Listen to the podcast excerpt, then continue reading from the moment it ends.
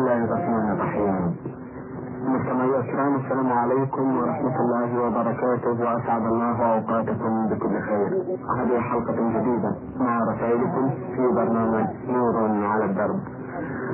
رسائلكم في هذه الحلقة نعرضها على فضيلة الشيخ محمد بن صالح بن عثيمين الأستاذ في كلية الشريعة بالقصيم. باسمكم وباسمي نرحب بالشيخ محمد. ونبدأ هذا اللقاء. فأهلا وسهلا أهلا وسهلا بكم. حياكم الله. الله يحييكم شيخ محمد أولى رسائل هذه الحلقة رسالة وصلت إلينا من الظهران جامعة البترول والمعادن. باعت الرسالة أحد الإخوة من هناك يقول زين شهمان السباعي أخونا يقول أفيدكم بأن لي والدة تبلغ من العمر 65 عاما ولها مدة تسع عشرة سنة وهي لم تأتي بأطفال ولأن معها نزيف دم لها مدة ثلاث سنوات وهو مرض يبدو أتاها في تلك الفترة. ولأنها ستستقبل الصيام. كيف تنصحونها؟ لو تكرمتم وكيف يتصرف مثلها؟ لو سمحتم الحمد لله. مثل هذه المرأة التي أصابها نزيف الدم حكمها أن تملك عن الصلاة والصوم مدة عادتها السابقة قبل هذا الحدث الذي أصابها. فإذا كان من عادتها أن الحيض يأتيها من أول كل شهر لمدة ستة أيام مثلا فإنها تجلس من أول كل شهر مدة ستة أيام لا تصلي ولا تصوم. فإن انقضت فاغتسلت وصلت وصامت. وكيفية الصلاة لهذه وأمثالها أنها تغسل فرجها غسلا كاملا وتغسله وتتوضأ وتفعل ذلك عند دخول وقت صلاة الفريضة.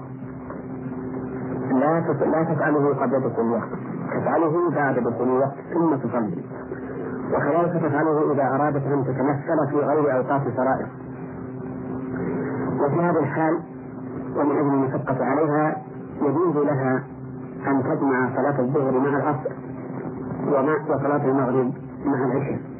حتى يكون عملها هذا واحدا من الصلاتين صلاة الظهر والعصر وواحدا للصلاتين صلاة المغرب والعشاء وواحدا لصلاة الفجر. بدلا من أن تعمل ذلك خمس مرات تعمله ثلاث مرات.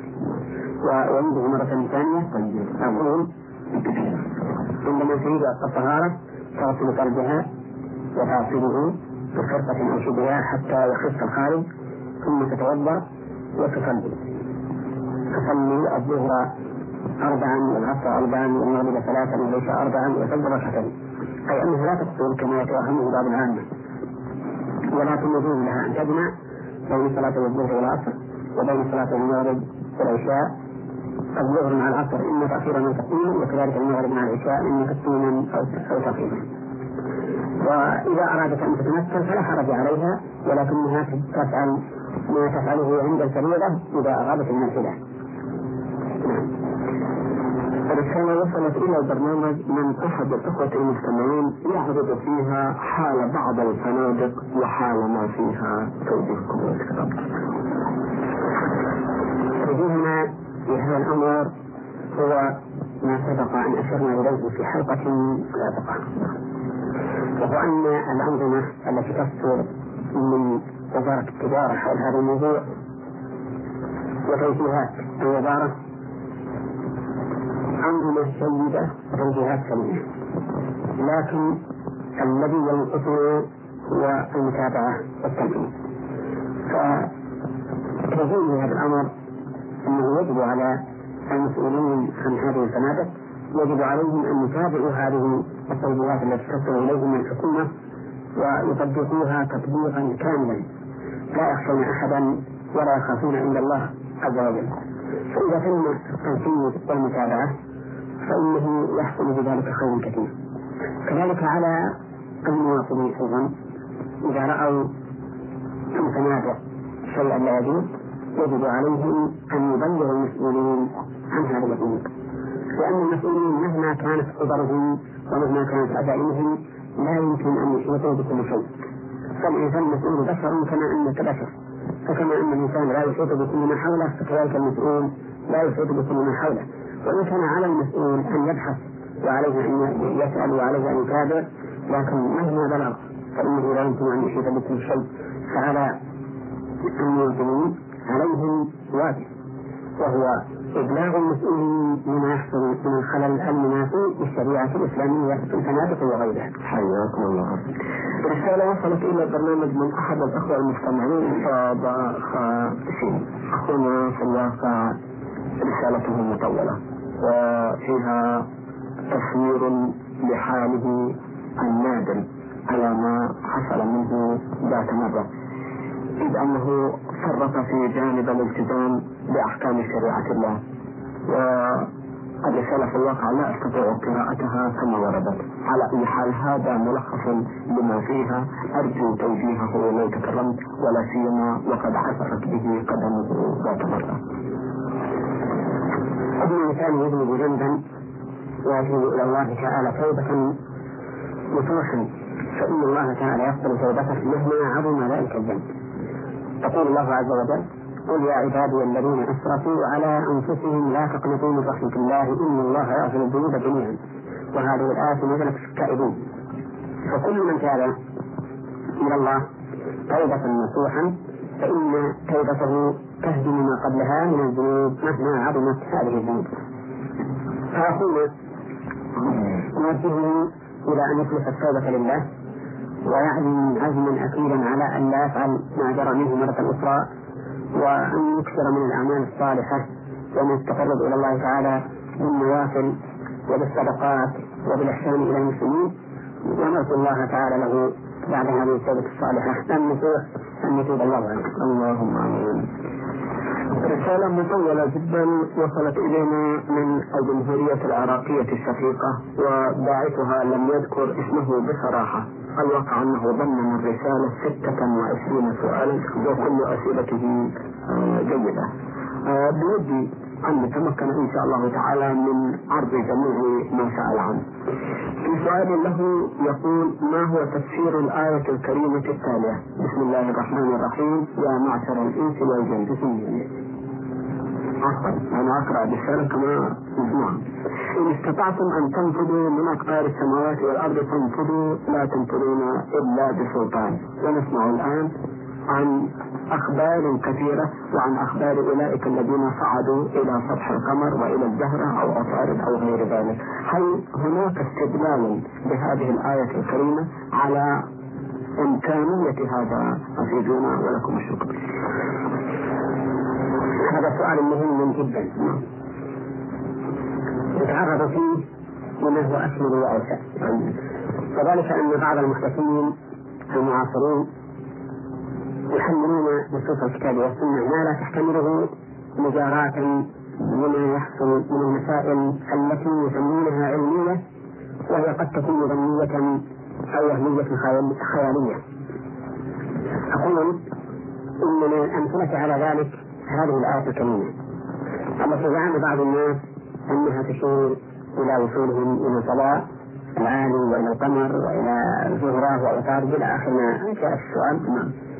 والحقيقة أن من تأمل الآية الكريمة وجدها لا تدل على ذلك أبدا وأنها لا صلة لها به. فالله سبحانه وتعالى ذكر هذا في عرض ما يكون يوم القيامة. فسورة الرحمن ابتدأ الله فيها بخلق الإنسان وتطوراته وفنائه إلى أن ذكر حال الناس يوم القيامة حينما يكون محصورين محاطين يا معشر الجن والإنس إن استطعتم أن تنفذوا من أقطار السماوات والأرض. فانفذوا لا تنفذون إلا بسلطان. والآية فيها التحدي واضح جدا. إن استطعتم أن تنفذوا فانفذوا والتحدي بالشيء لا يكون إلا بالعاجز عنه. ولو قدر أننا فسرنا الآية بالوصول إلى القمر وشبهها لكان الله تعالى تحداهم بأمر يستطيعونه. وهذا أمر لا يمكن أبدا. فإن الله لا يتحدى أحدا إلا بأمر لا يستطيعه إلا إن اجتمعت الإنس والجن على أن يأتوا بمثل هذا القرآن لا يأتون بمثله ولو كان بعضهم لبعض ظهيرا. وأما ختم الآية بقوله لا تنفذون إلا بسلطان فلا يدل على إمكان ما تحداهم الله به بل يدل على ارتفاع ذلك إطلاقا لأنه يقول لما تحداهم لا يمكنكم النفوذ إلا بسلطان أي بقوة تجعل لكم سلطة على هذا النفوذ ولا سلطة لهم ولا يمكن أن يتمكنوا من ذلك. ثم إن الآية يقول الله فيها يا معشر الجن والإنس إن استطعتم أن تنفذوا من أقطار السماوات. أتحدى الجن والإنس. ومن المعلوم أن الجن كانوا يسترقون السمع من السمع كما قال الله تعالى عنه وأنا كنا نقعد منها مقاعد للسمع فمن يستمع الآن يجد له شهادة رسلا ولا يمكن أن يتحدى الله الجن بما كانوا يفعلون. كما الآية أيضا تقول يقول الله فيها يا معشر الجن والإنس إن استطعتم أن تنفذوا من أقطار السماوات والأرض. وهب أن هؤلاء نفروا من أقطار الأرض فهل نفروا من أقطار السماوات؟ أبدا ثم إن الله سبحانه وتعالى يقول يرسل عليكم شواط من نار ونحاس فلا تنتصران وهذا الأمر ليس واقعا كمن ذهبوا إلى القمر أو يحاولون الذهاب إلى ما فوق إلى ما فوق القمر والذي أنصح به إخواني أن لا يقولوا في القرآن بمثل هذه الأمور التي لا يمت لها القرآن بصلة فيكونون فيكونوا ممن فسر القرآن برأيهم ومن قال في القرآن برأيه فليتبوأ مقعده من النار. فإن تفسير القرآن يجب أن يكون على حسب ما تقتضيه الشريعة أو اللغة العربية. وأن يحاول الإنسان تحليل القرآن ما لا يحتمله ثم إن تفسير القرآن بالأمور العلمية التي هي كما أشرت إليه قد تكون ظنية أو مجرد خيال ووهم هذا مما يوجد في القرآن فيما لو تبين خطأ هذه النظرية في المستقبل. فلهذا يجب على الإنسان أن تقول إن الوصول إلى القمر أو إلى ما فوق القمر إذا ثبت حسب ما يشاهد الناس فإننا نقر به ولكن لا يلزم أن نقول إن القرآن يدل عليه. كل شيء يحدث لا يلزم منه أن يكون القرآن قد دل عليه بعينه. فالقرآن يقول الله تعالى فيه والخيل والجبال والحمير لتركبوها وزينة ويخلق ما لا تعلمون فكل شيء يثبت لنا بدليل معقول أو محسوس فإننا نأخذ به ولكن لا يلزم أن يكون القرآن دل عليه بعينه. حياكم الله. أخونا أيضا يسأل يقول يصادف المسلم في بعض الأيام أن يتأخر عن الصلاة ولكن هذا التأخر ليس متعمدا وإنما ناتج عن العمل سواء كان يعمل في مزرعة أو في دائرة حكومية أو في ثمرة وخدمة للوطن فهل هذا التأخر عليه حساب وعقاب؟ إذا كان التأخر من أول الوقت إلى آخره فقط. ولكن الصلاة وقعت في وقتها. فلا شيء عليه. لأن تقديم الصلاة في أول وقتها على سبيل الأفضلية لا على سبيل الوجوب وأما إذا كان تأخيرها هذا التأخير إلى ما بعد خروج الوقت فإن ذلك ليس بجائز. اللهم إلا إذا نسى الإنسان واستغرق في الشغل حتى ذهل عن الصلاة فإن النبي صلى الله عليه وسلم يقول من نام عن صلاة أو نسيها فليصليها إذا ذكرها. فهذا إذا ذكر يصليها ولا حرج عليه وأما أن يكون يذكر الصلاة ولكن نظرا لهذا الشغل الذي هو مرتبط به أخرها من أجله. فهذا حرام ولا يجوز له. وقد ذكرنا فيما سبق قال شيخ الإسلام ابن تيمية رحمه الله أن من تعمد تأخير الصلاة عن وقتها بدون عذر شرعي فإنه لا لا صلاة له لأنه أخذها عن وقت. أخونا في سؤال له يقول هل يعد أجر صلاة التطوع مثل أجر صلاة الفرض أو السنة؟ أي أن الفرد إذا نسي الفرض وصلى صلاة التطوع هل يكون أجر النافلة مثل الفرض؟ ليس أجر النافلة كأجر الفريضة فإن أجر الفريضة أكثر. لأن الفريضة أهم وأعظم ولهذا أوجبها الله تعالى على عباده بأهميتها وعظمها. وفي الحديث الصحيح القدسي أن الله سبحانه وتعالى يقول ما تقرب إلي عبدي بشيء أحب إلي مما افترضت عليه الله أكبر. فليس اجر النافله كاجر الفريضه كما أنه لا تجزئ النافله عن الفريضه أيضا كما إشار إليه الأخ. فإذا قدر عنا على الإنسان صلاة الفجر مثلا ثم تطوع بركعتين آه، في الضحى. فإنها كلمة ركعتين لا تجزئان عن صلاة الفجر. نعم. لأن النافلة لا تجزئ عن صلاة الفريضة ولأنه لا بد من تعيين الصلاة بالنية. نعم. عندما تريد أن تصلي الفجر كم من الفجر؟ عندما تريد أن تصلي الظهر كم من الظهر وهكذا. رسالة وصلت إلى البرنامج من جمهورية ملاوي. باعث الرسالة أخونا عثمان الحسين جعل سوداني الجنسية يقول. أخونا يقول اطلعت ذات يوم على الحديث الذي أورده أدنى معنون بهذا العنوان لكل بلد هلاله عن قريب أن أم الفضل بنت الحارث بعثته إلى معاوية بالشام. قال فقدمت الشام فقضيت حاجتها. واستهل علي رمضان وأنا بالشام. فرأيت الهلال ليلة الجمعة. ثم قدمت المدينة في آخر الشهر فسألني ابن عباس رضي الله عنهما متى رأيتم الهلال؟ فقلت رأيناه ليلة الجمعة فقال أنت رأيته؟ قلت نعم ورآه الناس وصاموا وصام معاوية فقال لكنا رأيناه ليلة السبت فلا نزال نصوم حتى نكمل ثلاثين أو نرى. فقلت أولا تكتفي برؤية معاوية وصيامه فقال لا. هكذا أمرنا رسول الله صلى الله عليه وسلم. أخرجه أحمد ومسلم وأبو داود والترمذي والنسائي واللفظ لمسلم نقلت هذا الحديث بنفس عنوانه والإسناد عن كتاب يدعى المنتخب من السنة. الكتاب صادر عن المجلس الأعلى للشؤون الإسلامية إلى آخر ما قال. ثم يسأل أخونا في النهاية ويقول هل معنى ذلك أنه لا يصح صوم المسلم أو إفطاره عن رؤية الهلال في بلد آخر غير بلده الذي يقتل فيه من البلاد الإسلامية؟ أم ماذا يعني مضمون هذا الحديث؟ افيدوني جزاكم الله عني خير الجزاء. الحمد لله هذا الحديث كما هو تحت عنوان في كل بلد عياله أخذ بمقتضاه كثير من أهل العلم. وذلك أن الأصل في هذا قول النبي صلى الله عليه وسلم إذا رأيتموه فصوموا وإذا رأيتموه فأفطروا فإن غم عليكم فأكملوا العدة ثلاثين. فقد اختلف أهل العلم في هذا الخطاب.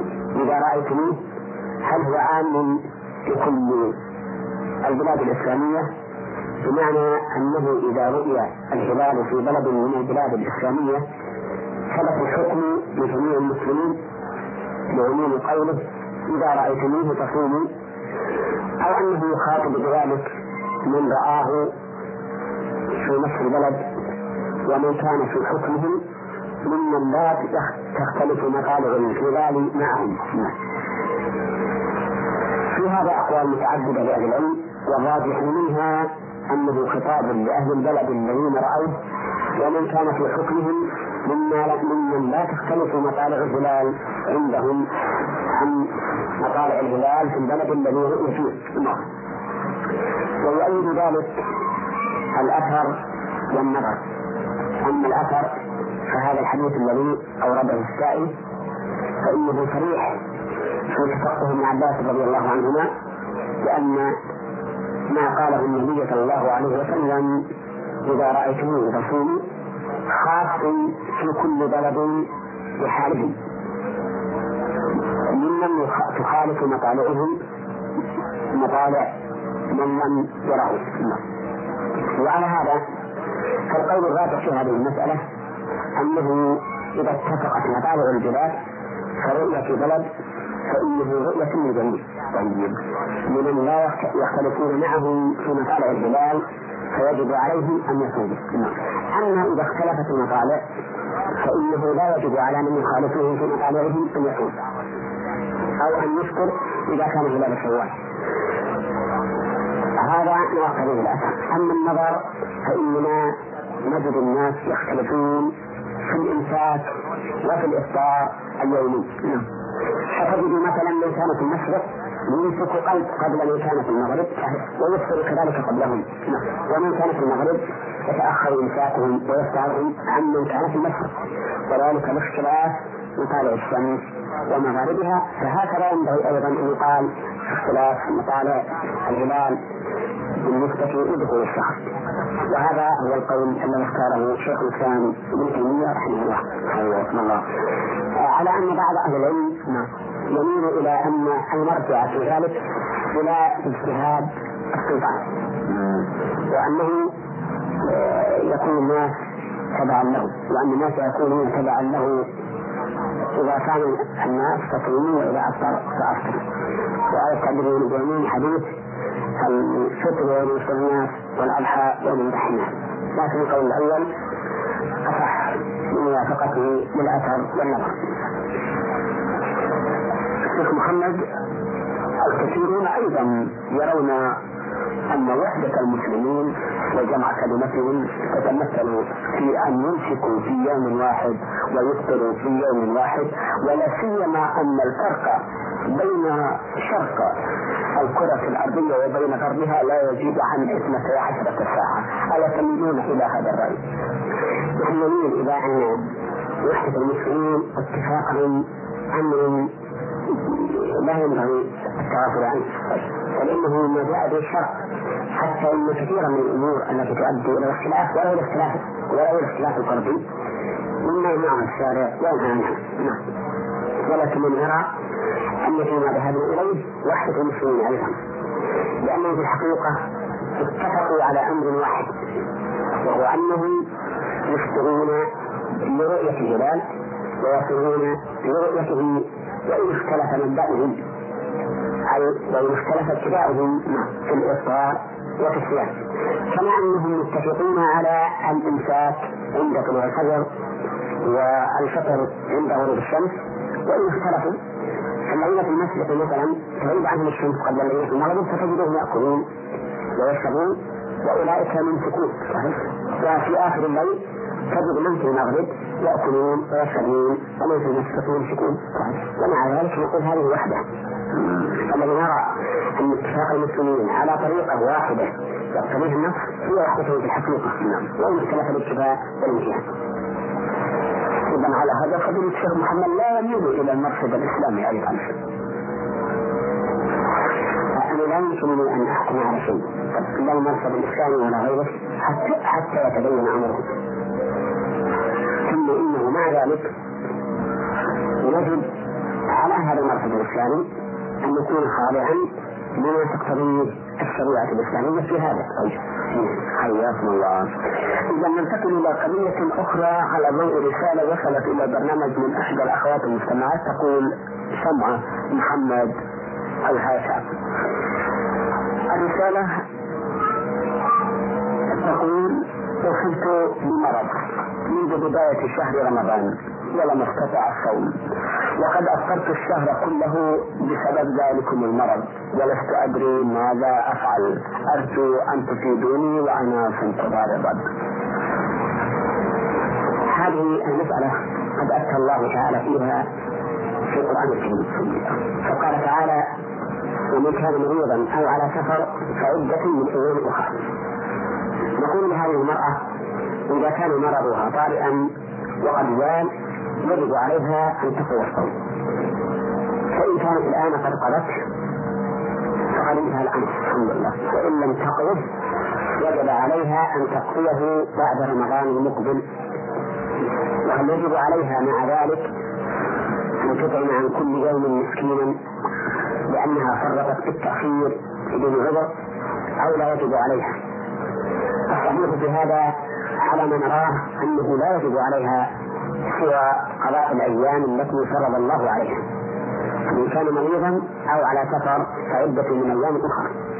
ولا يجب عليها أن تطعم مع ذلك وإن كانت لم تقضي إلا بعد رمضان الثاني. لا سيما وأن الذي يبدو من حال هذه المرأة أنها كانت جاهلة في هذا الأمر. أما إذا كان مرضها غير طارئ بل مستمر ولا يرجى زواله فإنها تطعم عن كل يوم مسكينا ويجزئها ذلك الصيام رسالة وصلت إلى برنامج من إحدى الأخوات المجتمعات تقول المرسلة أختكم في الإسلام ومن الجمهورية العربية السورية الشقيقة حلب. أختنا بعد مقدمة رسالتها تقول إنني فتاة كنت أصلي أياما وأترك أخرى ولكن الآن والحمد لله منذ أن أديت العمرة في العام السابق لم أدع وقتا من الصلاة يفوتني والحمد لله. فكيف أعوض الصلاة التي فاتتني؟ هل أصلي في كل وقت من أوقات الصلاة قضاء لما فاتني؟ أم أصلي الصلاة في شهر رمضان كما وردت عن حديث رسول الله صلى الله عليه وسلم وهذه كافية لتعويض ما فاتني من الصلاة. أفيدوني جزاكم الله خيرا في الدنيا والآخرة. وهدانا ووفقنا وإياكم لما يحب ويرضى. والسلام عليكم ورحمة الله وبركاته. وإليكم الحديث. عن رسول الله صلى الله عليه وسلم أنه قال من فاتته صلاة في عمره ولم يحصها فليقم في آخر جمعة من رمضان ويصلي أربع ركعات يتشهد ويصلي أربع ركعات بتشهد واحد. يقرأ في كل ركعة فاتحة الكتاب وسورة القدر خمس عشرة مرة وسورة الكوثر كذلك ويقول في النية نويت أصلي أربع ركعات كفارة لما فاتني من الصلاة قال أبو بكر سمعت رسول الله صلى الله عليه وسلم يقول هي كفارة أربعمائة سنة وقال علي كرم الله وجهه هي كفارة ألف سنة قالوا يا رسول الله ابن آدم يعيش ستين سنة أو مئة سنة فلمن تكون الصلاة الزائدة.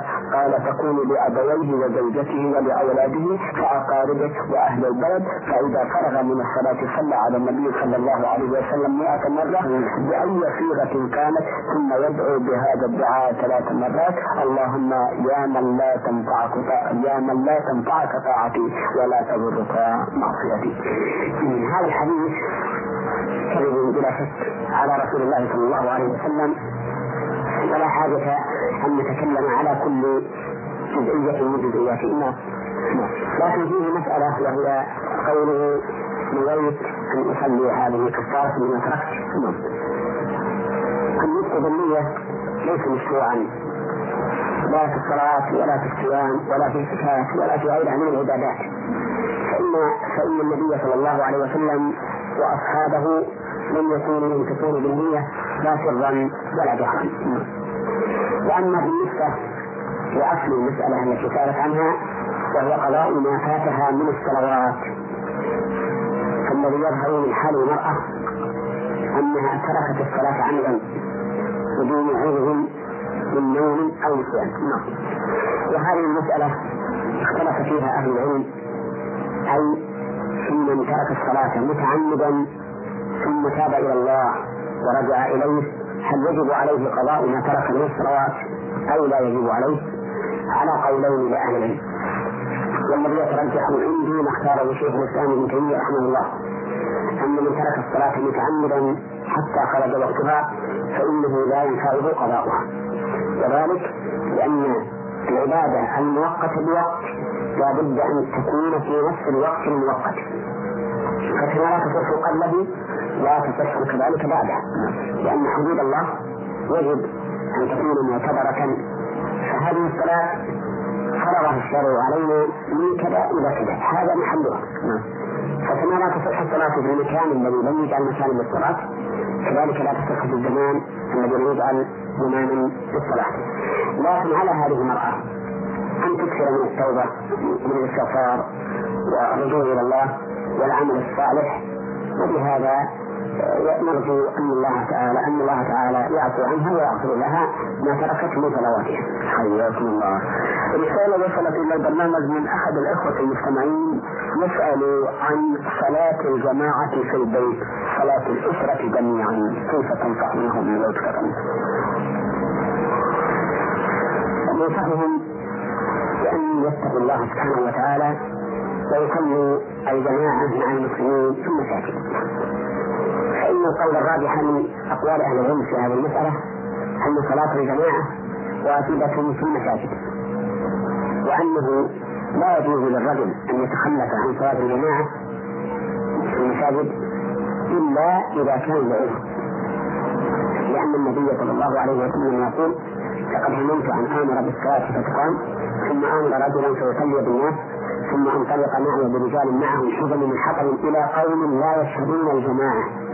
فأحرق عليهم بيوتهم بالنار هؤلاء القوم قد يكونون يصلون جماعة في أماكنهم نعم.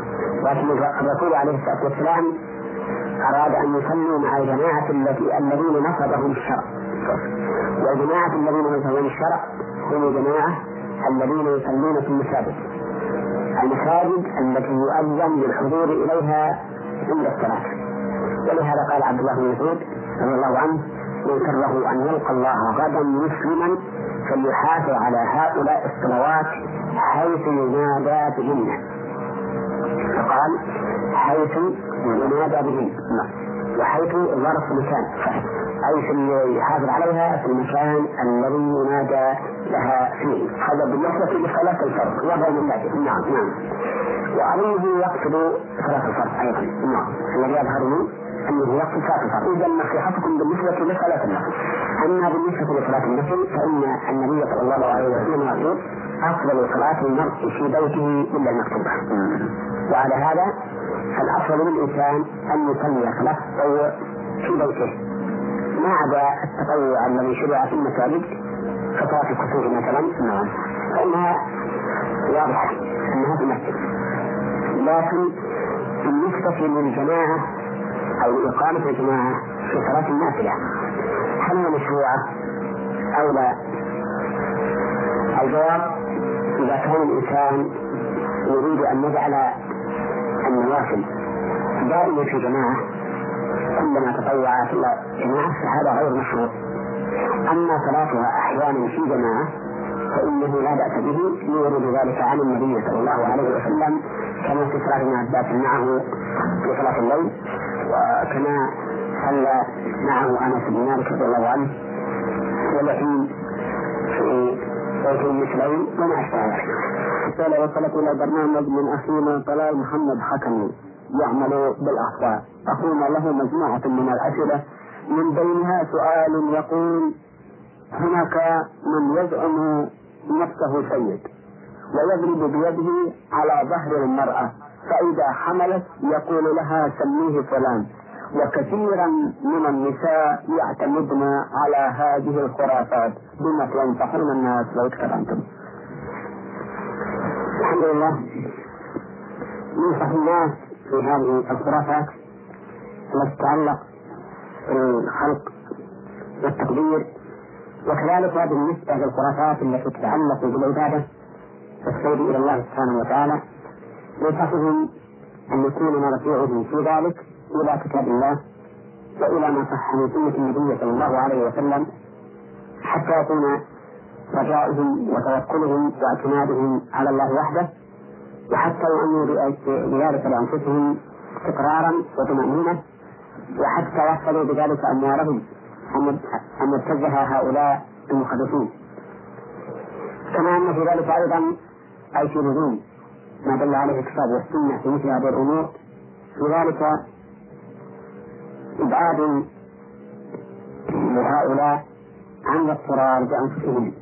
هؤلاء الذين يدعون أنفسهم أحيانا أسيادا وأحيانا أولياء. ولو فكرت أو تأملت ما هم عليه لوجدت أن فيهم بعدا عن الولاية وعن السيادة. ذلك لأن السيادة إنما تقال حسب علمي في الغالب على من كان شريفا. بحيث يتصل نسبه بالإشراف بالأشراف. وهذا أمر يحتاج إلى أن يبحث عنه وأن يعرف اتصال هذا الرجل المعين بنسب الأشراف. هل هو حقيقة أو ليس بحقيقة أو مجرد دعوة؟ كذلك بالنسبة للولاية كثيرا ما يدعي هذا الرجل أنه ولي ولكن الولاية لها ميزان. ذكره الله تعالى بقوله ألا إن أولياء الله لا خوف عليهم ولا هم يحزنون الذين آمنوا وكانوا يتقون. فلننظر إذا ادعى شخص أنه ولي. لننظر إلى منهجه وسلوكه. هل هو منهج المؤمن المتقي لله كما ادعاه؟ من ولاية حقيقة. ولكنك تجد الولي حقيقة أبعد الناس أن يدعو لنفسه وأن آه، يحيطها بحالة من التعظيم والتبجيل وما أشبه ذلك. تجده مؤمنا تقيا خفيا لا يظهر نفسه ولا يحب الإشهار ولا يحب أن يتجه الناس إليه أو أن يتعلقوا به خوفا أو رجاء. فمجرد كون إكرام يريد من الناس أن يعظموه ويحترموه ويبدلوه ويكونوا مرجعا لهم ومتعلقا لهم هذا في الحقيقة ينافي التقوى وينافي الولاية. ولهذا جاء في الحديث عن النبي صلى الله عليه وسلم أن من طلب العلم لينادي به السفهاء آه، أو يجاب به العلماء أو يسلك وجوه الناس إليه فعليه كذا وكذا من الوعيد الشاهد في قوله أو ليسلك وجوه الناس إليه. فهؤلاء الأولياء هؤلاء الأولياء الذين يحاولون أن يصرفوا وجوه الناس إليهم هم أبعد الناس عن الله فنصيحة لإخوان المسلمين أن يعترض هؤلاء وأمثالهم وأن يرجعوا إلى ما إلى كتاب الله وإلى ما صح من سنة رسول الله صلى الله عليه وسلم وأن يعلقوا أملهم ورجاءهم بالله وحده. قضية أخرى يسأل عنها أخونا وهي قضية جراح الناس في رمضان. إذا ما جرح المرء في رمضان ونزف دما هل يؤثر ذلك على الصيام أو لا؟ الجواب لا يؤثر ذلك على الصيام شيئا الحمد لله. إذا جرح خرج دم ولو كثيرا فإنه لا يؤثر شيئا. ذلك لأن هذا الجرح بغير اختيار منا ومن شروط كون المفطر مفطرا أن يكون باختياره الفاعل أما ما وقع بغير اختياره فإنه لا يضره ولا ينقص صيامه ولا يفطره. ولهذا لو استلم الرجل في صيامه وخرج منه الماء فإنه لا يشعر بذلك لأنه بغير اختياره. وهذا محل سؤال لكثير من الناس في الواقع. نعم. و أما إذا كان هذا الجرح باختياره بأن فقد أو حجم فإن ذلك يفطر على القول الراجح من أقوال أهل العلم لأنه كما جاء في السنن عن رسول الله صلى الله عليه وسلم أنه قال أفطر الحاكم والمحسن فالمحسن يفطر وذلك لأنه ينزف منه دم كثير يؤدي إلى ضعف بدنه وحينئذ يحتاج إلى أكل وشرب لأجل سد هذا الضعف. فإذا اضطر الإنسان إلى الحجامة وهو صائم فاحتجم فإنه يفطر ونأمره بأن يتناول الأكل والشرب لأجل أن يعود نشاطه إليه. وهذا هو الوجه في كون المحسون يفطر لأنه لا يمكن أن يبقى آه، بدنه ضعيفا بعد الحجامة ومن رحمة الله به أن جعل ذلك سببا للفطر حتى يتناول الأكل والشرب. ولهذا لو اضطر رجل إلى سحب الدم منه ليفرغ في مريض مثلا فإنه يجوز في هذه الحالة إذا قال الأطباء.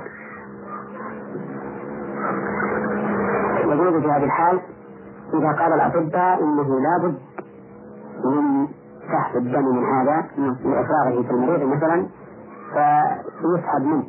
وفي هذه الحال نقول لهذا الرجل الذي سحب منه الدم قد أفطرت لأن هذا الدم الكثير بمنزلة الحجامة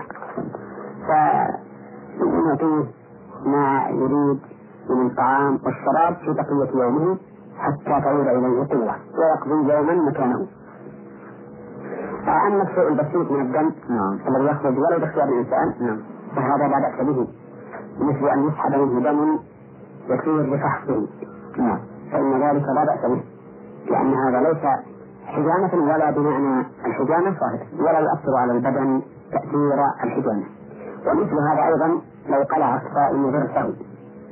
فخرج منه دم نعم. فإن هذا الدم لا يفطره لكن عليه أن يحول دون ابتلاعه حتى لا يصل إلى معدته ولكن ما هذا لو تهرب شيء من هذا الدم بغير اختياره فإنه لا يصير بذلك. حياكم الله، الواقع مجموعة قضايا تفضلتم بالإجابة عنها وقد آه، يسأل عنها إخواننا المستمعين ولا سيما وأنها ملاصقة لحياة الصائم. آه، شكر الله لكم هذه الشمولية في هذه الإجابة. أخونا أيضا يسأل عن أولئك الذين يلعنون زوجاتهم. يقول ما الحكم على من يلعن زوجته؟ ولو كرمته هذا أمر محرم. لا يجوز للرجل أن يلعن أخاه المسلم. بل على القول الصحيح لا يجوز أن يلعن شخصا معينا ولو كافرا. لا وإذا كان هذا حراما يعني وإذا كان لعن المعين حراما حتى ولو كان كافرا أو كان مسلما أجنبيا من الإنسان فكيف بزوجته؟ التي يجب أن يعاشرها بالمعروف. امتثالا لقوله تعالى وعاشروهن بالمعروف. وهذا اللعن الذي يطلقه بعض الرجال على نسائهم هو في الحقيقة مخالف للإسلام من وجهين. الوجه الأول أنه لعن معين وهذا محرم شرعا. والأمر الثاني أنه مخالف لأمر الله سبحانه وتعالى بمعاشرة الزوجة بالمعروف. فعلى الرجل أن يتقي الله تعالى في نفسه وفي أهله. ثم يعلم أن هذا اللعن الذي يصدر منه لزوجته لا بد أن يؤثر تأثيرا بالغا في سلوكها نحوه أيضا فسوف تتغير الحال ويكون هو السبب في فصل عرى الأنثى بينهما. الله أيضا أخونا يذكر بعض العادات ربما تكون موجودة في بعض المناطق هنا وربما تكون أيضا في بعض مناطق عالمنا الإسلامي يقول إن العروس تمنع من الدخول في دار زوجها إلا إذا ذبح لها خروف توضع رجلها في دمه. وإن لم يفعل هذا فإنها لا تدخل البيت. هل لهذه العادات من أصل؟ وهل تعتقدون أنها تؤثر على عقيدة الناس أو لا؟ الجواب ليس لهذه العادات من أصل شرعي. نعم. وليس موجودة في العالم الإسلامي كله. وإن كانت قد توجد في بعض المناطق مع ناس نعم نعم لكنها عادة سيئة ولا شك. لأنها أولا عقيدة فاسدة لا أساس لها من الشرع ثانيا أن تلوثها بالدم النجس هذا أيضا سفه نعم. فإن النجاسة مأمور بإزالتها والبعد عنها. وبهذه المناسبة أود أن أقول للأخوان المسلمين إن من المشروع أن الإنسان إذا أصابته النجاسة فليبادر بإزالتها وتطهيرها نعم. فإن هذا هو هدي النبي صلى الله عليه وسلم. فإن الأعرابي لما بال في المسجد أمر النبي صلى الله عليه وسلم أن يراق على بوله ذنوب من ماء وكذلك الصبي الذي بال في حجر النبي صلى الله عليه وسلم دعا النبي صلى الله عليه وسلم بماء فأتبعه إياه أو أتبعه بوله وتأخير إزالة النجاسة وتطهيرها سبب يؤدي إلى نسيان ذلك ثم يصلي الإنسان وهو على نجاسة وهذا وإن كان يعذر به على القول الراجح لأنه لو صلى بنجاسة النفس أن يغسلها فصلاته صحيحة. لكن ربما يتذكر في أثناء الصلاة. وحينئذ إذا لم يمكنه أن يتخلص من النجاسة مع الاستمرار في صلاته فمعنى ذلك أنه سوف يقطع صلاته وينصرف ويتبعها من جديد. على كل حال هذه العادة السيئة فيها تلوث المرأة بالنجاسة الذي هو من السفة نعم. فإن الشرع يأمر بالتخلص من النجاسة وتطهيرها ثم إني أخشى أن يكون أن يكون هناك عقيدة أخرى. نعم. وهو أن يذبحوا إما لجن أو شياطين أو ما أشبه ذلك فيكون هذا نوعا من الشرك. ومعلوم أن الشرك لا يأخذه الله عز وجل. رسالة وصلت من الزلف وبعثها أخونا عبد الله السليمان أخونا يسأل عمن له رأس مال وعليه قدر رأس ذلك المال دين كيف تكون الزكاة؟ هذه المسألة فيها خلاف بين أهل العلم. منهم من يرى أن الدين لا يمنع وجود الزكاة نظرا لأن عمومات النصوص لم تفرق بين مدين وغيره. ونظرا إلى أن الزكاة إنما تجب في المال. وقول النبي صلى الله عليه وسلم لمعاذ بن جبل حين بعثه إلى اليمن فاعلمهم أن الله افترض عليهم صدقة في أموالهم تؤخذ من أغنيائهم فترد على فقرائهم فهو واجب فالزكاة واجبة في المال ومتعلقة به والمال موجود بين يديه والدين في ذمته فقد اختلف المحل. الدين في الذمة والزكاة في المال. والمال موجود يتصرف فيه الإنسان تصرف الملاك في أملاكه تصرفا حرا فتجب الزكاة عليه في هذا المال الذي عليه مقداره من ومن العلماء من قال إنه إذا كان على الرجل دين بمقدار ما بيده من المال الزكوي فإنه لا زكاة عليه. وليس لهم أثر فيما أعلم. وإنما عندهم نظر ومعنى. نعم. يقولون إن الزكاة وجبت مواساة. فإذا كانت وجبت بالمواساة فإن المدينة ليس أهلا لها لأن المال الذي بيده هو في الحقيقة لغيره لوجود وفاء فليس أهلا لأن يكون آه، ممن يجب عليه مواساة إخوانه الفقراء. ومن العلماء من فصل في هذا. وقال إذا كان المال ظاهرا فإن الدين لا يمنع وجوب الزكاة فيه. المال الظاهر هو الذي ليس يخزن في الصناديق وراء الأبواب مثل الماشية والثمار والزروع. قالوا فهذه وإن كان على صاحبها دين يجب عليه إخراج زكاتها لأنها أم لأنها أموال ظاهرة تتعلق بها أطماع الفقراء. والدين أمر خفي لا يعلم فيجب أن تؤدى الزكاة من هذه الأموال الظاهرة والنبي عليه الصلاة والسلام يرسل السعاة لقبض الزكاة من هذه الأموال ولم يستفصل أهلها هل عليهم دين أو ليس عليهم دين. فيقول هؤلاء بالتفصيل نعم. الأموال الباطنة كالذهب والفضة والأوراق النقدية إذا كان على صاحبها دين بمقدار ما عنده منها لا زكاة عليه. والأموال الظاهرة وهي الحبوب والثمار والمواشي تجب الزكاة فيها وإن كان على صاحبها دين يستوعبها. والأرجح عندي أن الزكاة تجب في المال ظاهرا أو باطنا ولو كان على صاحبه دين يستوعبه. وذلك لعموم الأدلة الدالة على وجوب الزكاة في الأموال. وكوننا نعلم بأن الزكاة مواساة هذه علة لا توجب تخصيص هذه العمومات لأنها علة مستنبطة قد تكون من مراد الشارع وقد لا تكون من مراد الشارع. اللهم.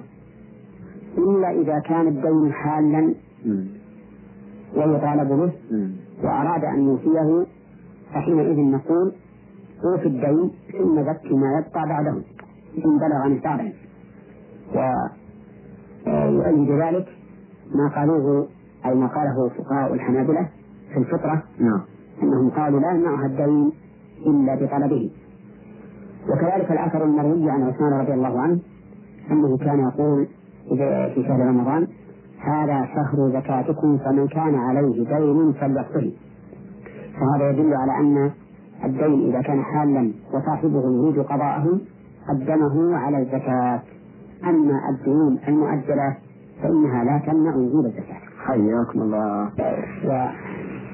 وأعلم؟ نعم. نعم.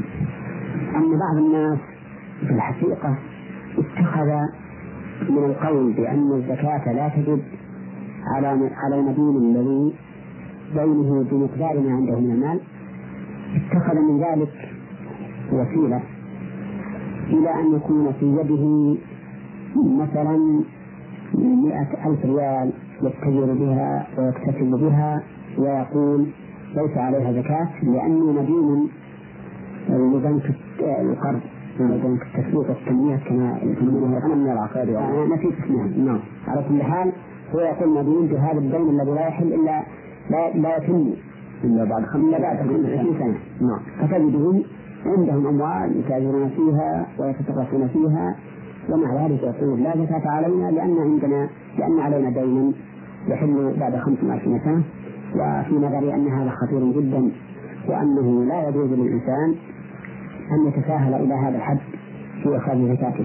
فالذي أرى وجوب إخراج الزكاة ولو كان عليه دين يستوعب ما عنده من المال الزكوي ما لم يكن الدين حالا مطالبا به ويريد وفاءه. فحينئذ نقول أوصه ثم زكي ما بقي من مالك.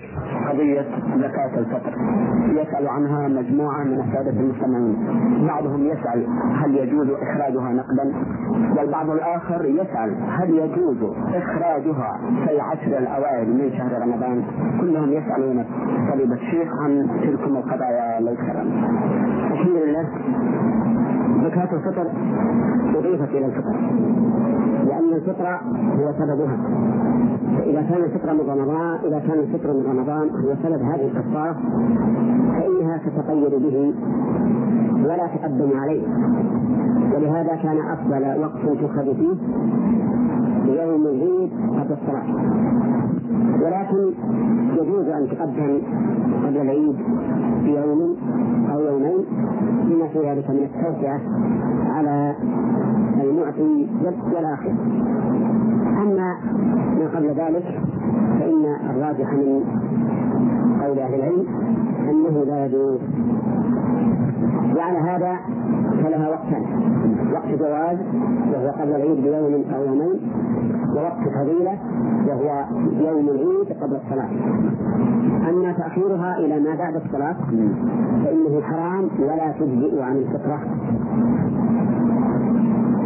إلا إذا كان الرجل جاهلا بيوم العيد مثل أن يكون في برية ولا يعلم إلا متأخرا أو ما أشبه ذلك فإنه لا حرج أن يؤديها بعد صلاة العيد.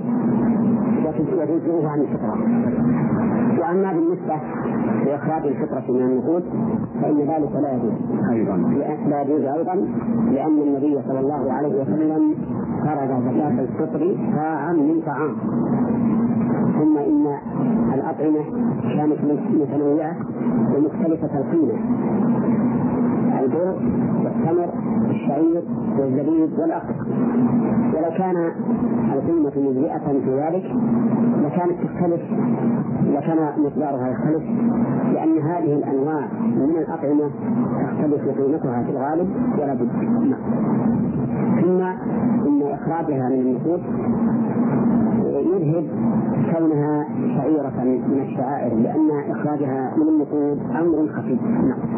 لا يدين للناس ولا يدين لمن حجت عنه ولا آه، يظهر به أن هذه الزكاة التي تكال وتشمل ويذهب بها إلى الفقير ويكون لها شعور وظهور بين الصغير والكبير كل هذا يفقد إذا أخرجت من النقود وإذا أخرجت من النقود أيضا فإنه قد تختلف القيم.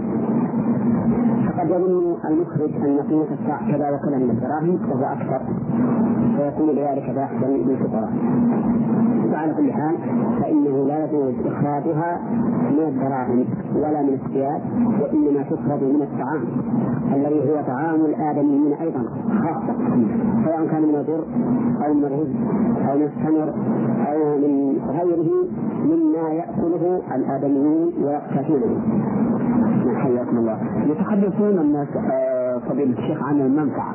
بعض هؤلاء الإخوة يقولون إن منفعة النقود في الوقت الحاضر ربما تزيد على منفعة الأشياء المنصوص عليها. ماذا نقول لهؤلاء الأخوة؟ نقول لهم إن العبادات ليس مرجوعها إلى العقل بل إن العبادات مرجوعها إلى التوقيت أولا. ثم إن التوقيت قد يكون قد يكون معناه بينا وقد يكون يعني معناه معقولا يبين الناس وقد يكون خفيا اذا على هذا نقول لهؤلاء الإخوة لا مجال للاجتهاد نعم. نعم. حياكم الله.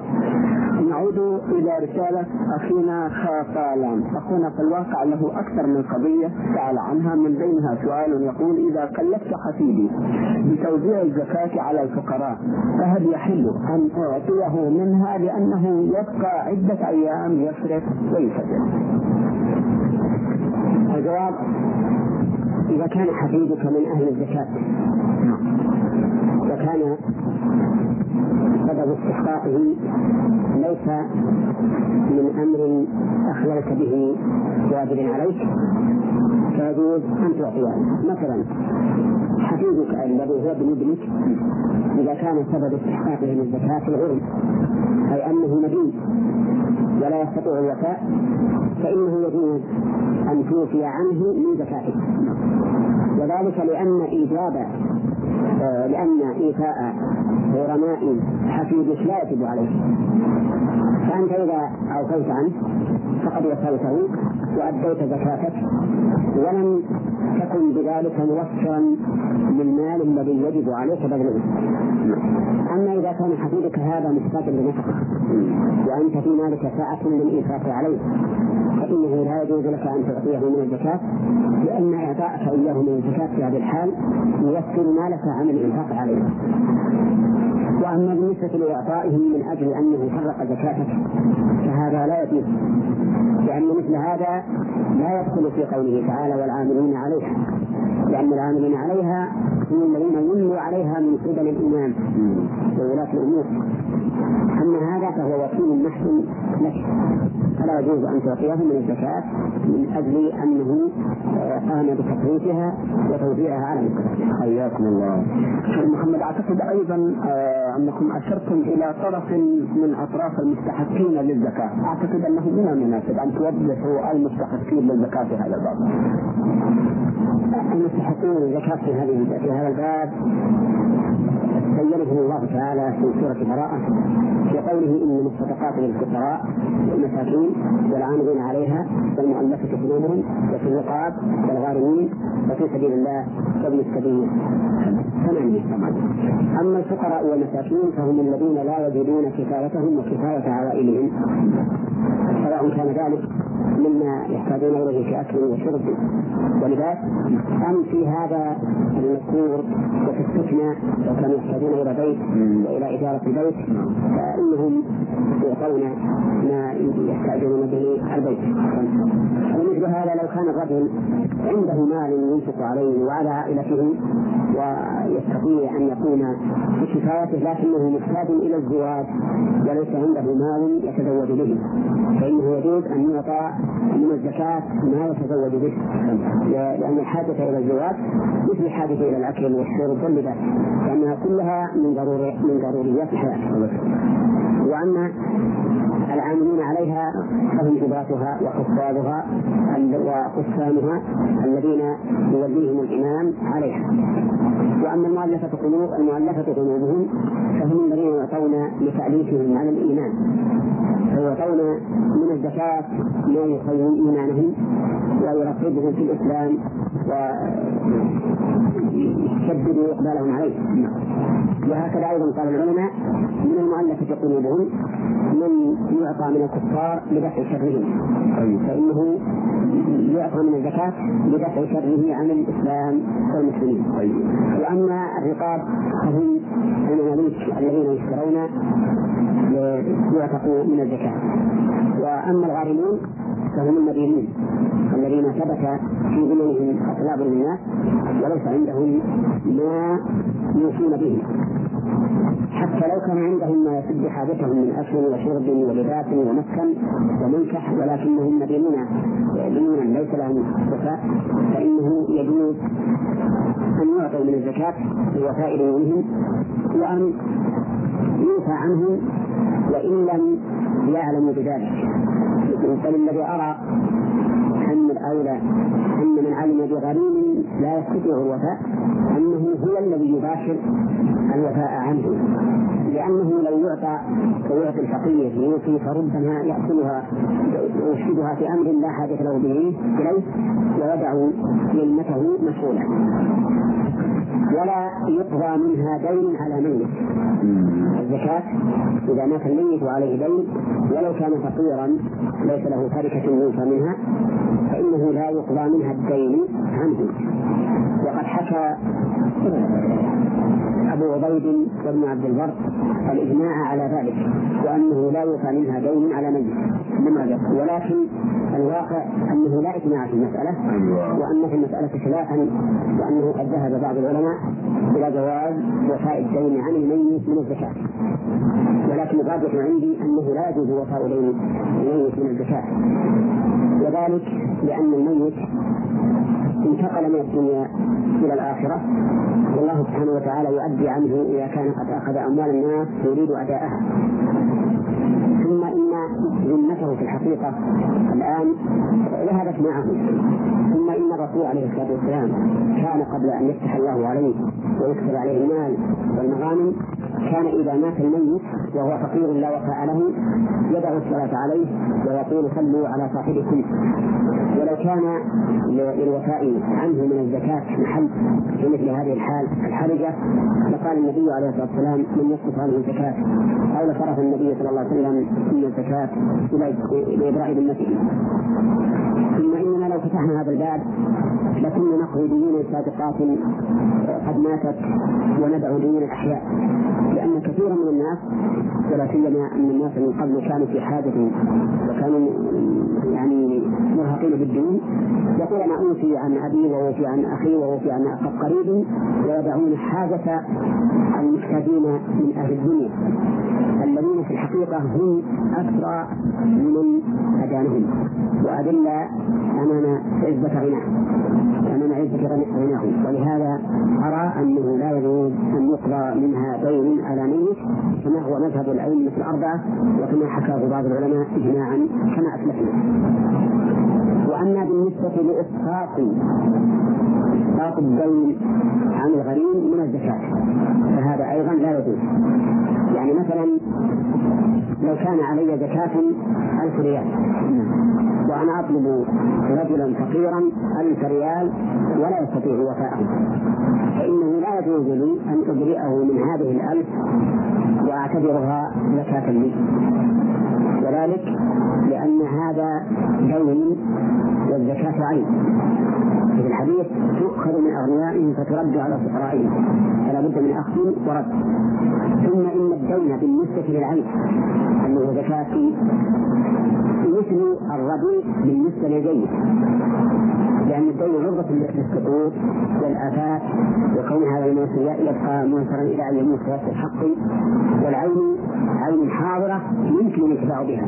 فإذا كان أنا عندي مال أعيان بيدي ولا وكانت زكاتها ألف ريال فالزكاة هذه عن أعيان أنتفع بها مباشرة. فإذا أسقطت هذا الدين فمعنى ذلك أنني أديت زكاة هي دين عن مال هو عين. وكما أسلفت. الدين بالنسبة للعين كالرديء بالنسبة للجيد. وعلى هذا فلا يجوز إسقاط الدين عن النبي الفقير باعتباره من الزكاة. وقد قال شيخ الإسلام إن هذا لا يجوز بلا نداء. الواقع لحظة نعم. ولو كان الوقت انتهى الغني وفي سبيل الله. نعم. في سبيل الله المراد بها الجهاد في سبيل الله خاصة. سورة المجاهدين ما يستعينون به على جهاد الكفار. وكذلك يشرى لهم آلات وأسلحة يقاتلون فيها. ولكن من المجاهد في سبيل الله؟ هذه هي النقطة التي نحتاج إلى تحقيقها. المجاهد في سبيل الله هو الذي يقاتل لتكون كلمة الله هي العليا. فيقيم على أرض الكفر دين الإسلام. ويحكم بشريعة الله عز وجل.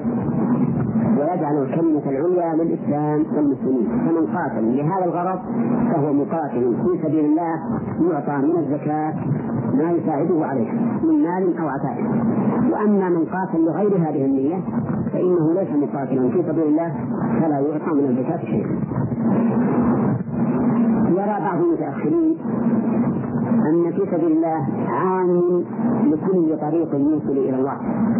ويجعله عاما لأعمال البر كلها من الجهاد وطبع الكتب النافعة وإصلاح الطرق وإصلاح المساجد وغير ذلك.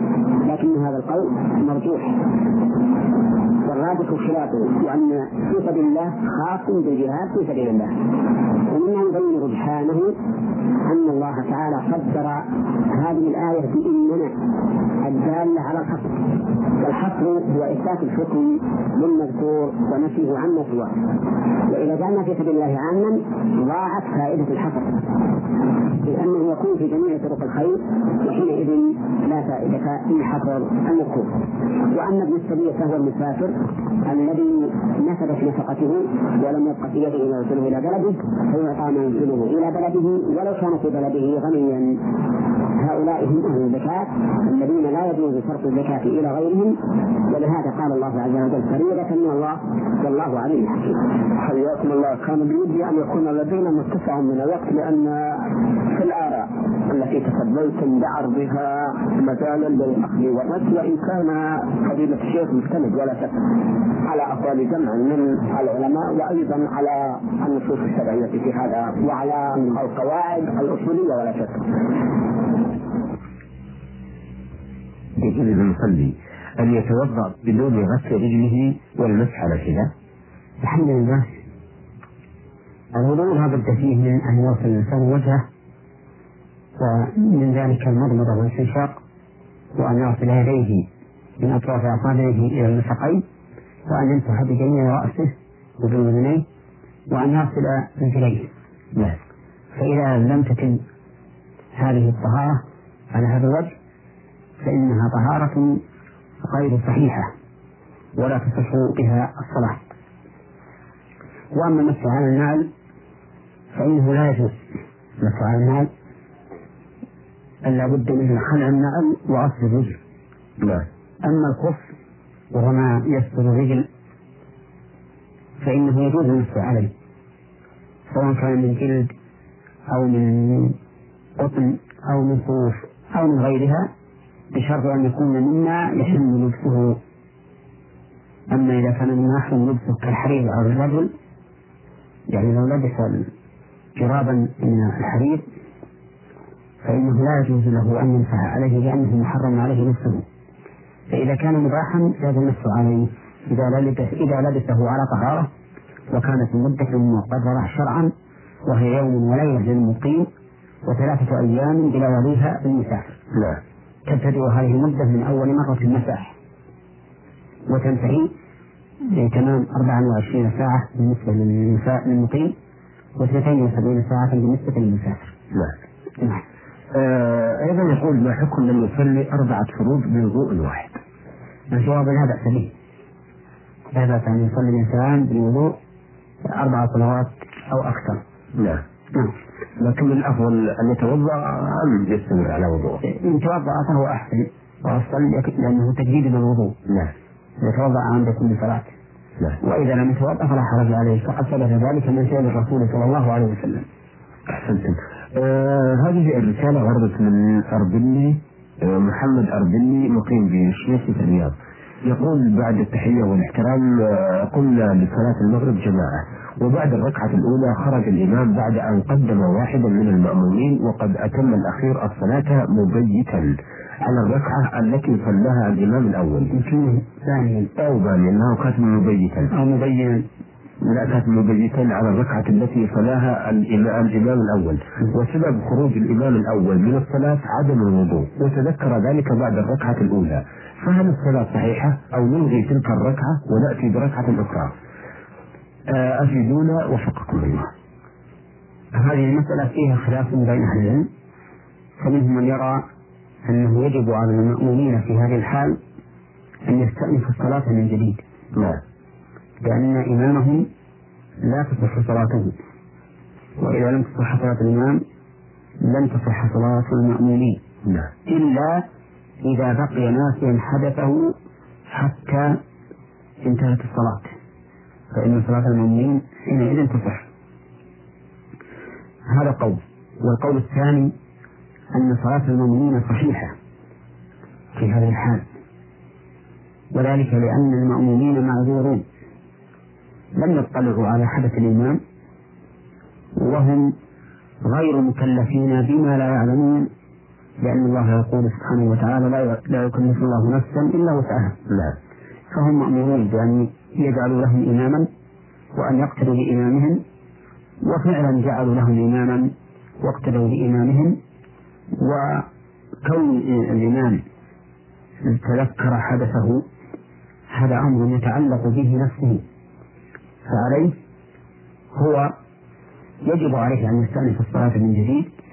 أما المأمومون فإنهم لا يستأنفون الصلاة من جديد وإنما يستمرون بصلاتهم يتمونها.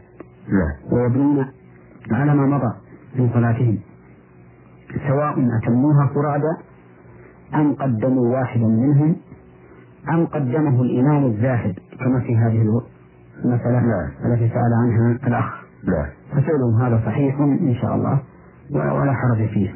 وهذا القول هو الراجح لأنه أقوى تعليما. نعم لكن لو حدث مثلا انقطاع الوضوء أثناء الصلاة فلا شيء فيه وكذلك أيضا لو حدث آه، في أثناء الصلاة آه، انقطع وضوء الإمام فإنهم إن قدم بهم أحدا أتموها خلف هذا الأحد الذي قدم وإن لم يقدم قدموا واحدا منهم أو أتموها فرادا. نعم. آه السؤال الثاني يقول صليت العصر أو المغرب أو العشاء وأتممتها مسجدا ثم وجدت معه هل أصلي مع الجماعة ويكون الأول فرض أو نفل أفيدونا وفقكم الله. إذا صلى الإنسان فريضته منفردا نعم ثم حضر جماعة بعد تمام صلاته فقد أدى الفريضة في صلاته الأولى. نعم. ولكنه يستحب أن يعيد الصلاة مع هؤلاء الجماعة الذين حضروا لقول النبي صلى الله عليه وسلم إذا صليتما في رحالكما ثم أتيتما مسجد جماعة فصليا معهم فإنها لكما نافلة نعم فعلى هذا نقول تعيد الصلاة مع هؤلاء الحاضرين وتكون الصلاة الثانية نفلا أما الصلاة الأولى فإنها فرض. نعم. آه سؤاله الثالث والأخير يقول لماذا سميت أزواج النبي بأمهات المؤمنين؟ وجزاكم الله عنا خير الجزاء وشكرا. آه سميت بأمهات المؤمنين من باب الاحترام والتعظيم. نعم. وليس يترتب على هذه الأمنية ليس يترتب عليها شيء من تحريم من تحريم أو تحريم سوى الاحترام. فإنه يجب عليهن احترام يجب على المسلمين احترامه احترامهن لأنهن أمهاتهم وأما تحريم نكاحهن بعد رسول الله صلى الله عليه وسلم كذلك من باب تعظيم حرمة النبي صلى الله عليه وسلم حيث لا تحل أزواجه لمن بعده أبدا. ولهذا جعل الشارع أربعة أشهر وعشرة أيام لمن توفي عنها زوجها احتراما لحق الزوج الميت فإن ذلك من باب نعم لا شك أنه من باب حقوق الميت. نعم ويدل على هذا أن المرأة تتربص أربعة أشهر وعشرا سواء كانت من ذوات الحيض أم من الآيسات آه، ولا يرد على هذا أن الحامل تنتهي عدتها إذا مات زوجها بوضع الحمل ولو في أقل من أربعة أشهر. لأننا نقول لما انقضت العدة انفصلت من الزوج وبانت منه فلم يبقى للزوج تعلق بها. لا. فلهذا تنقضي العدة في وضع الحمل. نعم. آه هذه الرسالة وردتنا من مبارك السيد محمد غرسان البيشي من بيشة من الجوازات. آه، يعرض آه، مشاكل اجتماعية يقول يوجد لدينا في بيشة عادة. وهذه العادة هي إقامة أهل البلد في بيت الميت. إذا مات يجتمعون أهل البلد كلهم في بيت الميت. إذا مات ينتظرون قدوم الناس الذين آه، يردون سنة العزاء. ويذبحون الغنم وتقام العزاء بواسطة الطلاق. وغير ذلك علما بأن الناس القادمون قريبين من البلد. يطلق عليه عليه طلاق أن تفعل كذا أو أفعل كذا. آه ويقول القادمون قريبين من البلد الذي فيها الميت ووسائل النقل متوفرة ولا هناك عذر للإقامة. حتى أن البعض يحسب حساب الأكل ويأتي في وقت مبكر. زيادة على ذلك الذبيحة بعد الذبيحة في بيت الميت ليلا ونهارا. ولكن ليست من حقه بل من حق الجماعة. ماذا ترون حيال ذلك؟ جزاكم الله خيرا. نرى حيال ذلك أن هذا من الأمر المنكر لما فيه من إضاعة المال ومن الاجتماع الذي ينافي في الحقيقة حالة الموت نعم. وحالة الحزن لأنه بين أمرين. إما أن يحصل نياحة وندب. وأحزان متوالية. نعم. فهذا خلاف الشرع. وليس هذا من العزاء في شيء. لأن العزاء معناه تعزية الإنسان أي تصويره وإعانته على الصبر على ما أصابه من هذه المصيبة. وليس المراد بالتعزية يجي الأحسان عليه. نعم. من نياحة والندب. وشبهها وإما أن يكون هذا الاجتماع اجتماع فرح ولهو ومعاصرة وضحك ونحو ذلك فهذا أيضا ينافي حال الموت وما ينبغي أن يكون الإنسان عليه في هذه الحال. نعم. فدين الله بين الغالب فيه والجاف عنه والدين وسط. ومما يحصل من مضار هذا الاجتماع إضاعة الأموال الكثيرة فيه. فإنه كما ذكر السائل يقول كل ذبيحة وراء ذبيحة. وكذلك أيضا ما يحصل من هذه التنظيمات بل الإرغامات على الأكل حتى أنه كما ذكرت يحدث بالطلاق ويأكلا. وهذا أيضا من الأمر الذي لا ينبغي فإن الحلف ينبغي بل يجب أن يكون الحلف بالله عز وجل. إن كان حالفا فليحلف بالله أو ليصمت نعم. ولا ينبغي الإنسان أن يأتي بصيغة أخرى تدل على الحلف غير اليمين بالله سبحانه وتعالى. إذا دعت الحادث إليه. المهم أن هذا أمر منكر. وأن الواجب على أهل الميت الصبر والاحتساب وأن يتعزوا بما أمرهم الله به. الذين إذا أصابتهم مصيبة قالوا إنا لله وإنا إليه راجعون. أقول أن يتعزوا بما أثنى الله على فاعله. نعم. والثناء على لأن قد يقول قائل الله ما أمر به- بهذا القول. نقول أن الثناء على الفاعل أو القائل يدل على أن هذا الفعل أو القول أمر مطلوب. نعم. وكذلك أخبر النبي عليه الصلاة والسلام أن من أصيب في بمصيبة ثم قال اللهم أجرني في مصيبتي وأخلف لي خيرا منها. آجره الله في مصيبته وأخلف له خيرا منها. فهذه حالة النصاب أو حال النصاب ينبغي أن يستعمل ما دلت الشريعة على استعماله من قول أو فعل. أما الاجتماع المذكور فإنه حرام. نعم. لما يفضي إليه من هذه المكان. نعم. آه، أيضا يقول كثير من أصحاب السوق أهل البيع والشراء إذا نادى منادي الصلاة إما أغلق الباب وبقي خارج الدكان أو أغلقه على نفسه حتى ينتهي وقت الصلاة. والعبرة بالصلاة لا بإغلاق المحل. ما حكم آه، عمل أو كل هؤلاء؟ وما هو واجب الهيئة؟ نحو ذلك. اللهم إني بلغت فاشهد من بيشه الجوازات مباركة يد محمد غسان البيشي. حمل هؤلاء في الحقيقة محرم لأنهم تركوا ما يجب عليهم من إقامة الجماعة في المساجد. والواجب على المسلم أن يقيم الصلاة أن يقيم الصلاة جماعة في مساجد المسلمين لأن هذا هو فعل النبي صلى الله عليه وسلم وأصحابه أن يقيموا صلاة الجماعة في المساجد. فهذا هو الواجب على كل مسلم. يا أيها الذين آمنوا إذا نودي للصلاة من يوم الجمعة فاسعوا إلى ذكر الله. نعم. وهكذا أيضا إذا نودي لها من غير يوم الجمعة. فإنه يجب على المسلمين أن يأتوا إلى هذه المساجد التي بنيت لإقامة الجماعة. وقد هم رسول الله صلى الله عليه وسلم أن يحرق المتخلفين عن الجماعة بالنار. أما بالنسبة لعمل الهيئة نحوهم فإن الهيئة يجب عليها أن تلزمهم بالصلاة. نعم. مع الجماعة في المساجد فمن رأته واقفا عند دكانه ألزمته بأن يصلي مع الجماعة. ومن علمت أنه يغلق الدكان على نفسه كذلك أرغمت على أن يخرج من دكانه ويحضر الجماعة. وأما من أغلق بيته آه دكانه على نفسه والناس لا يعلمون به فهذا أمره إلى الله. نعم بالنسبة للهيئة وغيرهم لا يلزم عليهم أن يدقوا الدكاكين وينظروا هل فيها أحد.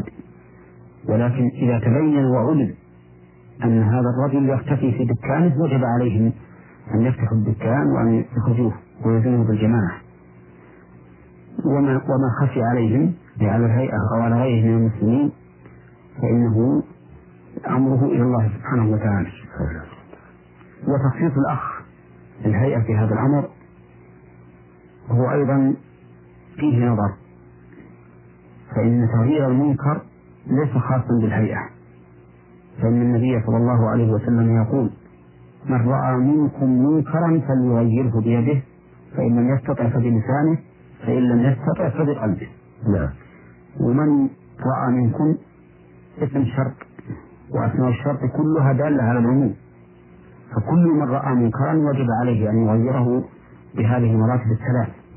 بيده فإن لم يستطع بلسانه فإن لم يستطع فبقلبه لكن يجب على الهيئة ما لا يجب على غيرهم.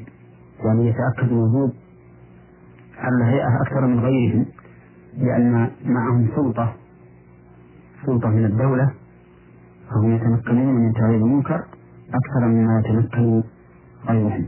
نعم. لكن آه، قول آه، مبارك بن سيد محمد ورسان البيشي آه، اللهم إني بلغت. هل إذا أرسل لنا رسالة تبرأ نفسه أو يبرأ من هؤلاء الذي يشاهد وهم يطلقون على أنفسهم الدكاكين أو يقفون عند دكاكينهم؟ هو في الحقيقة بلغ بلغ نورا على الدرب. نعم. لكنه ما بلغ الجهة. التي يمكنها أن تنفذ ما يريد. نعم. الذي نرى أنه لا يكتفى بهذا التبليغ بل لابد أن يكتب إلى الجهات المسؤولة عن عن هذا الأمر إلى رئيس الهيئة في بلده نعم. أو إلى الرئيس العام للهيئات في الرياض لإخباره بالموضوع ولعله ينتفع به أهل بلده وغيرهم نعم. أحسنتم أيها السادة إلى هنا نأتي على نهاية لقائنا هذا الذي استعرضنا فيه أسئلة السادة.